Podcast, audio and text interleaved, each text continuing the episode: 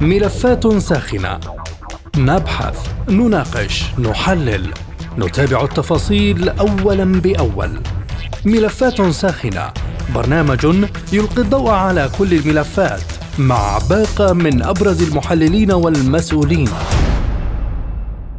حلقة جديدة من ملفات ساخنة أهلا بكم. معكم في هذه الحلقة عبد الله حميد.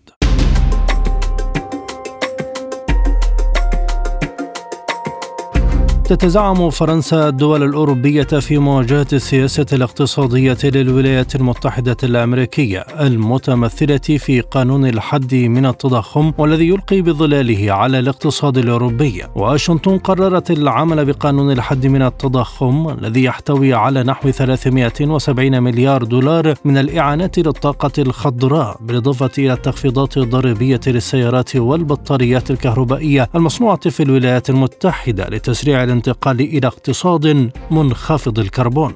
ودعا وزير المالية الفرنسي برونو لومير الدول الأوروبية إلى سياسة موحدة لحماية القاعدة الصناعية للاتحاد في مواجهة الإعانات الأمريكية التي يمكن أن تضر بالوظائف والاقتصاد في القارة. يأتي هذا مع توجيه دول في الاتحاد الأوروبي انتقادات إلى القانون الأمريكي معتبرة أنه يمثل تهديدا للوظائف الأوروبية خاصة في قطاعي الطاقة والسيارات. لكن يبقى الانقسام داخل الكتلة الأوروبية معرقلا أمام كيفية الرد على سياسات واشنطن في ظل دعوات من باريس للرد بالمثل وتطبيق خطة الدعم الكبيرة الخاصة بالاتحاد الأوروبي.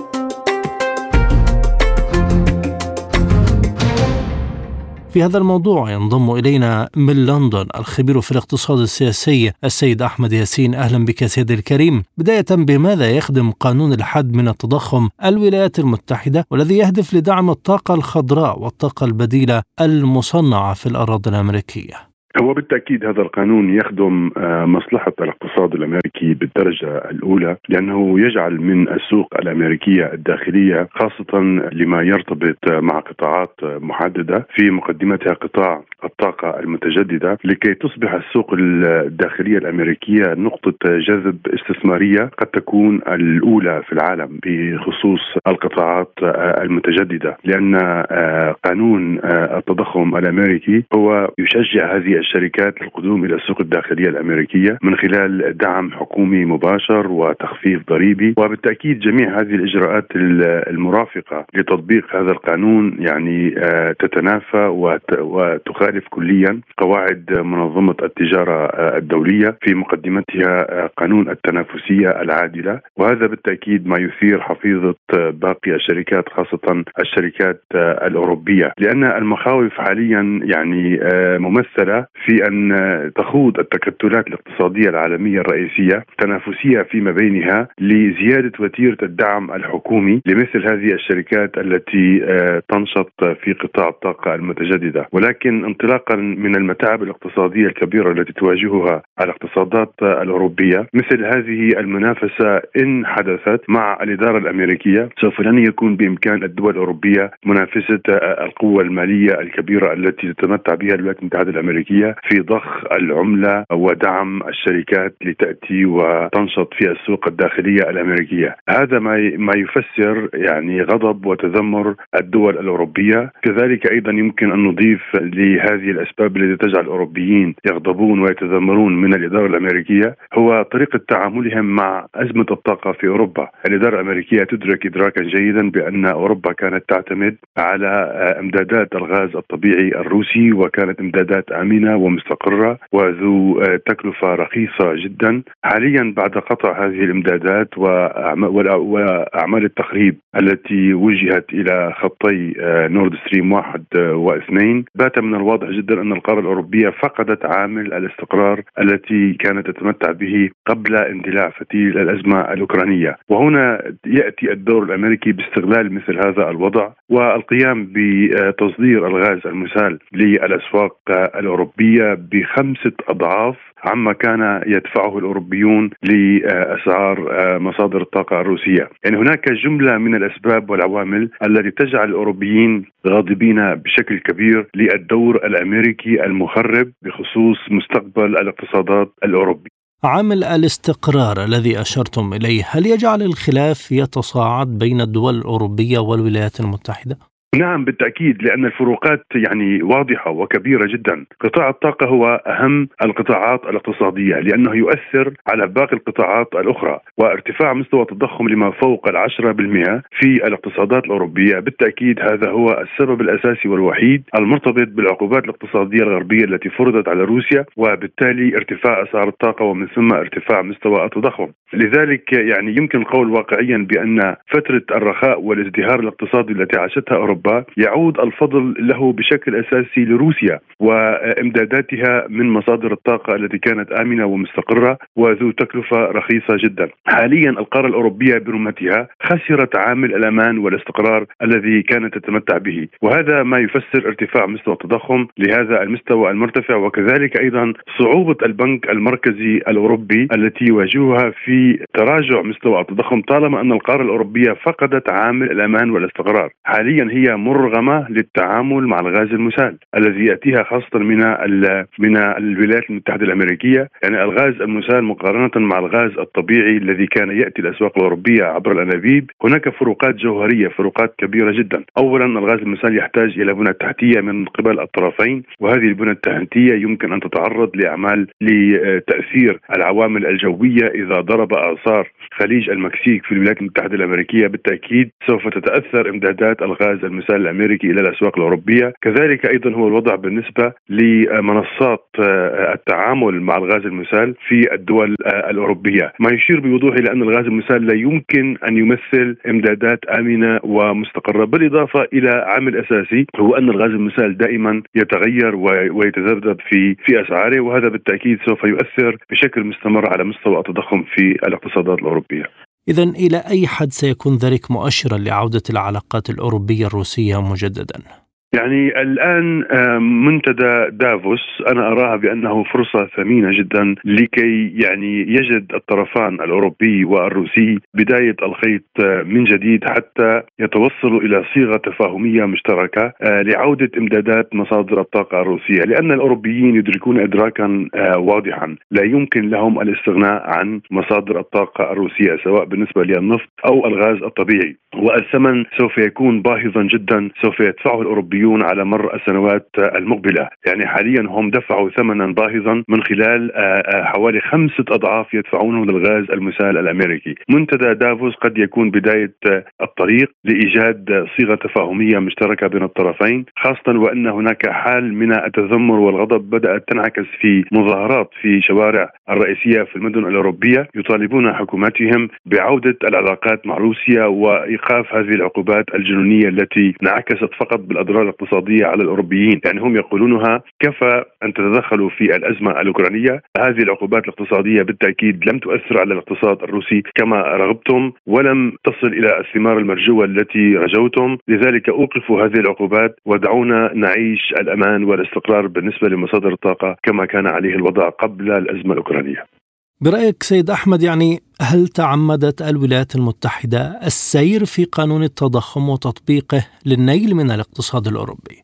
يعني هنا ندخل بمجال التكهنات ولكن ولكن يعني من الواضح جدا أن الاتحاد الأوروبي كتكتل اقتصادي بالرغم من أنه ينقصه الكثير من العوامل الأساسية حتى يصبح تكتلا اقتصاديا متكاملا ولكن في حال نجح الأوروبيون في تحقيق هذا التكامل الاقتصادي بين دولهم سوف يمثل الاتحاد الأوروبي أكبر تهديد لمكانة الولايات المتحدة الأمريكية كأكبر قوة اقتصادية في العالم. لذلك دائما هناك أهداف مبطنة من قبل الإدارة الأمريكية لضرب الاتحاد الأوروبي وأضعافه والعمل على تفكيكه. وقد يكون يعني آه، تشجيع وإحراج الدول الأوروبية للانخراط أكثر وأكثر في الأزمة الأوكرانية من خلال تسع موجات متتالية من العقوبات الاقتصادية الغربية على روسيا. يعني قد يكون ذلك ضمن الأجندة المبطنة للإدارة الأمريكية. لأن الإدارة الأمريكية تدرك إدراكا جيدا بأن تبعات مثل هذه العقوبات سوف تنعكس بالسلبية والخطورة على الدول الأوروبية. ليس على الولايات المتحدة أو على بريطانيا، يعني هناك توافق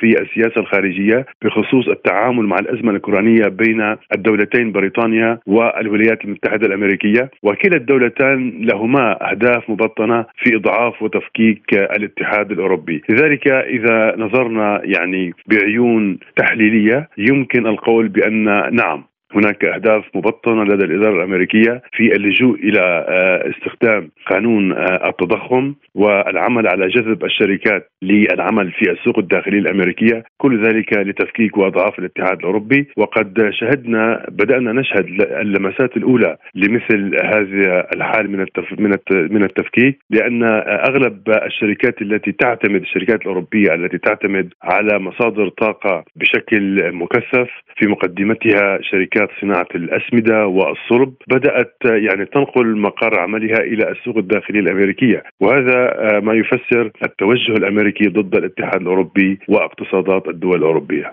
شكرا جزيلا لك الخبير في الاقتصاد السياسي الأستاذ أحمد ياسين كنت معنا من لندن.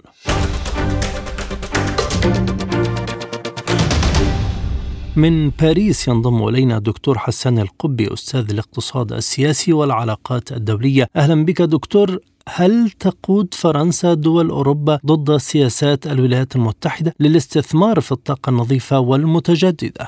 نعم بالفعل يبدو أن فرنسا اليوم تقود جهود أوروبية نحو معارضة هذا القانون ما يعرف بقانون مجابه التضخم الذي رصدت إليه الولايات المتحدة الأمريكية حوالي 470 مليار دولار كمساعدات للشركات الأمريكية أو الشركات التي قد تنتقل في قادم الأيام للولايات المتحدة الأمريكية للاستثمار في الطاقة المتجددة والطاقة النظيفة والطاقة الخضراء في حين أن مثلا في فرنسا المساعدات تقدم فقط لمراكز البحوث التي تشتغل على هذه المواضيع. من هنا آه، يأتي التخوف الفرنسي. ماكرون حتى قبل زيارته للولايات المتحدة الأمريكية كان التقى رجال أعمال ليس أوروبيين فقط ليس فرنسيين فقط بل من عموم أوروبا وممكن آه، في رسالة طمأنة وتخوفا من آه، انتقال يوم رؤوس الأموال الفرنسية والأوروبية بصفة عامة إلى مراكز أو إلى مناطق جغرافية أخرى تكون فيها يعني مصادر الطاقة غير مكلفة مثل ما هو الحال في هذه الأيام في القارة العجوز القارة الأوروبية. إلى أي مدى تعتبر يعني الرغبة في التحول للطاقة النظيفة محل خلاف بين الدول الكبرى خاصة مع الأزمات الاقتصادية العالمية؟ يعني يعرف الجميع أن الحديث عن التحول إلى الطاقة النظيفه والطاقة المتجددة ليس هو يعني وليد اللحظة وليد اليوم أو بدأنا الحديث عنه في ظل الأزمة الروسية الأوكرانية. منذ سنوات الدول الغربية بعد مؤتمر انعقاد مؤتمر باريس، باريس عموما تقود هذه الجهود، جهود ممكن التحول إلى طاقة نظيفة من أجل ممكن تحديات مناخية بحتة، ولكن التحول لن يكون في يوم وليلة، لن يكون خلال حتى بضع عشرات السنوات، سوف يأخذ وقت أكثر وأكثر. العديد من الأمور ممكن التقنية وحتى الأمور اللوجستية والأمور الصناعية ولكن ما نلاحظه الآن حتى في القارة العجوز أن دولة مثل ألمانيا لاحظنا خلال هذا الأسبوع أو الأسبوع الماضي يعني خروج مظاهرات كبيرة في العديد من المدن من أجل مجابهة العودة لاستخدام الفحم الحجري، هنا فرنسا عادت لاستخدام آه عفوا ألمانيا عادت لاستخدام الفحم الحجري، سوف تتبعها العديد من الدول آه، في ظل آه، ما يشهده العالم من أزمة طاقوية ضربت بالأساس القارة الأوروبية.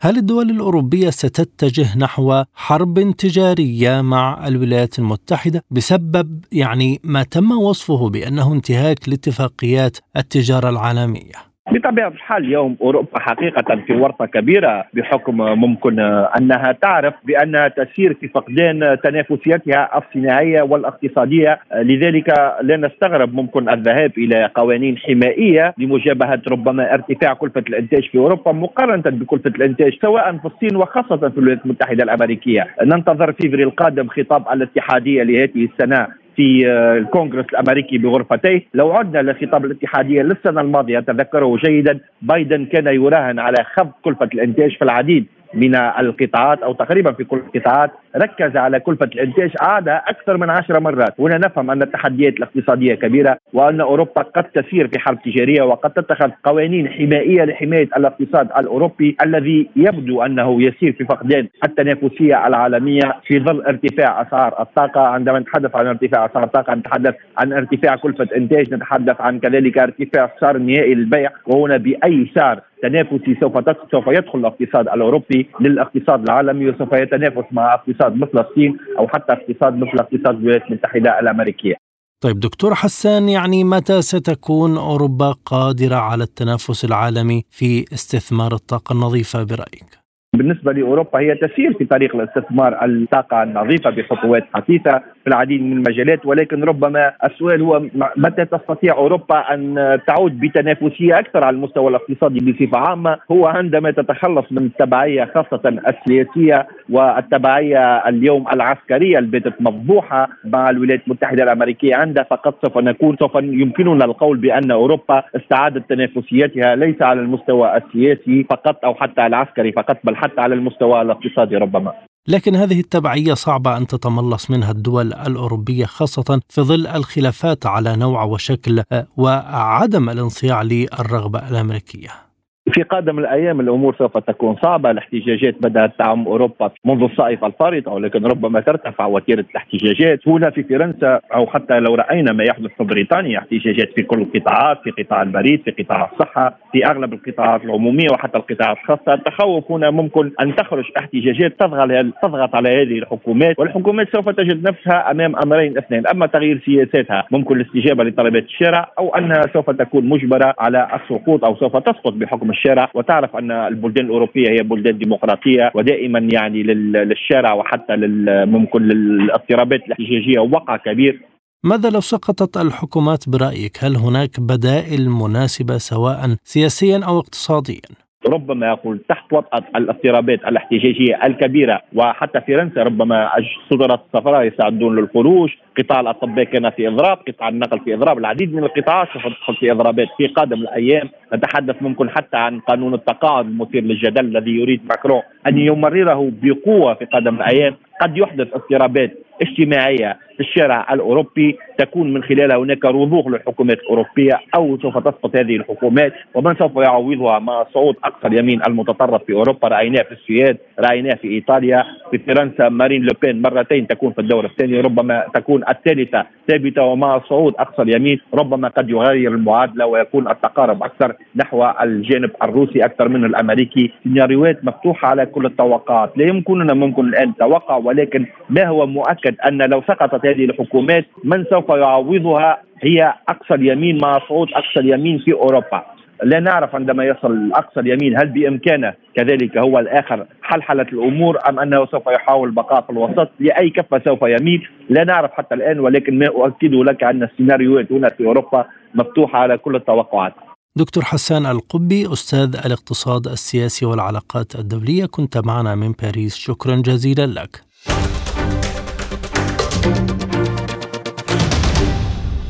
ومن برلين ينضم إلينا الدكتور علي العبسي خبير الشؤون الاقتصادية أهلا بك دكتور يعني الوظائف الأوروبية هي المستهدفة من قانون التضخم الأمريكي أم أن واشنطن ترمي إلى ما هو أبعد من ذلك؟ هناك عدة عوامل تسعى من خلال الولايات المتحدة الأمريكية وإدارة بايدن إلى من خلال إقرار قانون مكافحة التضخم الذي أقر في أغسطس الماضي. أولا هو دعم الصناعة المحلية وخصوصا صناعة السيارات الإلكترونية بحيث أنه يجب أن تكون أكثر من 80% من السيارات الكهربائية المصنعه في أمريكا منتجة أو أو منتجة بالكامل في أمريكا، وهذا طبعا يستهدف آه، بدرجه رئيسية صناعة السيارات الهامة للغاية في الدول الأوروبية، السوق الأمريكي هو سوق أساسي بالنسبة لصناعة السيارات الأوروبية والألمانية والفرنسية ومختلف الصناعات، وبالتالي أن يتم تفضيل الصناعة الأمريكية ومنح حتى هناك ضمن القانون أنه سيتم منح 7500 دولار لكل من يشتري سيارة إنتاج أمريكي. هذا هذه سياسة حمائيه ولا تعكس روح الاقتصاد الحر وحرية البضائع والسلع واتفاقية التجارة الحرة. وبالتالي هذا سيتسبب في خسائر كبيرة لصناعة السيارات الأوروبية خصوصا خسائر سوق العمل.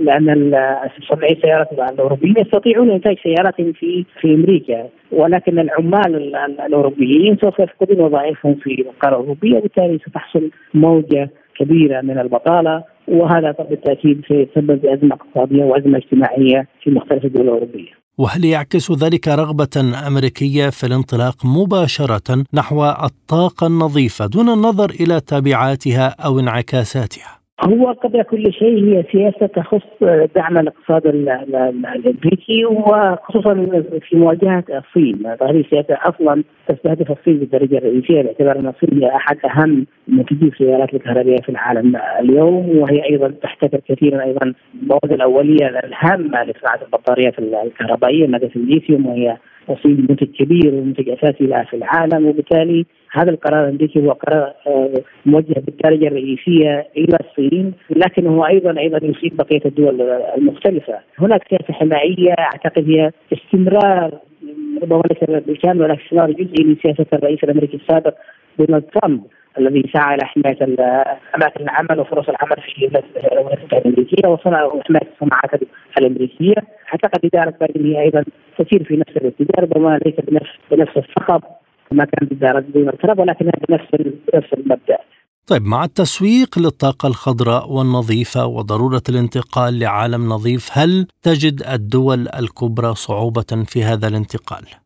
بالتأكيد عملية الانتقال هذه مكلفه في الدرجه الرئيسية، هناك تقنيات جديدة يجب أن يتم تطويرها، هناك تقنيات جديدة مكلفة أيضا يجب اتباعها، أيضا الطاقه الخضراء والطاقة المتجددة هي حتى الآن ليست بفاعليه الطاقة الاحفوريه ليست بنفس التوفر وليست بنفس الكفاءة خصوصا ان أغلب الصناعات ما زالت تعتمد بدرجه كبيرة على الطاقة الاحفوريه وبالتالي هذا الاتجاه يجب أن يأخذ سنوات طويلة يجب أن أيضا انفاق مبالغ كبيرة جدا على تطوير هذه التقنيات لذلك هذا المشهد الاقتصادي بحاجة إلى تمويل كبير وضمن الأزمة المالية العالمية الآن والاقتصاديه العالمية والركود الاقتصادي فإن توفير التمويل اللازم لهذه المشاريع يبقى مشكلة لدى كثير من الاقتصاديات. خبير الشؤون الاقتصادية الدكتور علي العبسي كنت معنا من برلين شكرا جزيلا لك.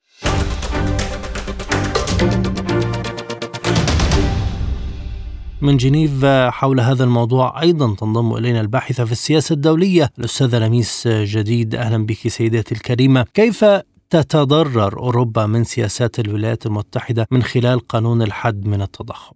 اولا المشكلة الموجودة في أوروبا وفي أمريكا حاليا في العالم بأجمعه وان كانت اقتصادية أو في البدء كونها اقتصادية. لها جذور أخرى اليوم في عنا كارثتين. أولا الكوفيد وثانيا آه، أتت الحرب في أوكرانيا وتداعياتها من تفجير لأنبوب النفط نورث ستريم 2 ومن قطع إمدادات الطاقة عن أوروبا ومن وقوع أوروبا بشكل كامل.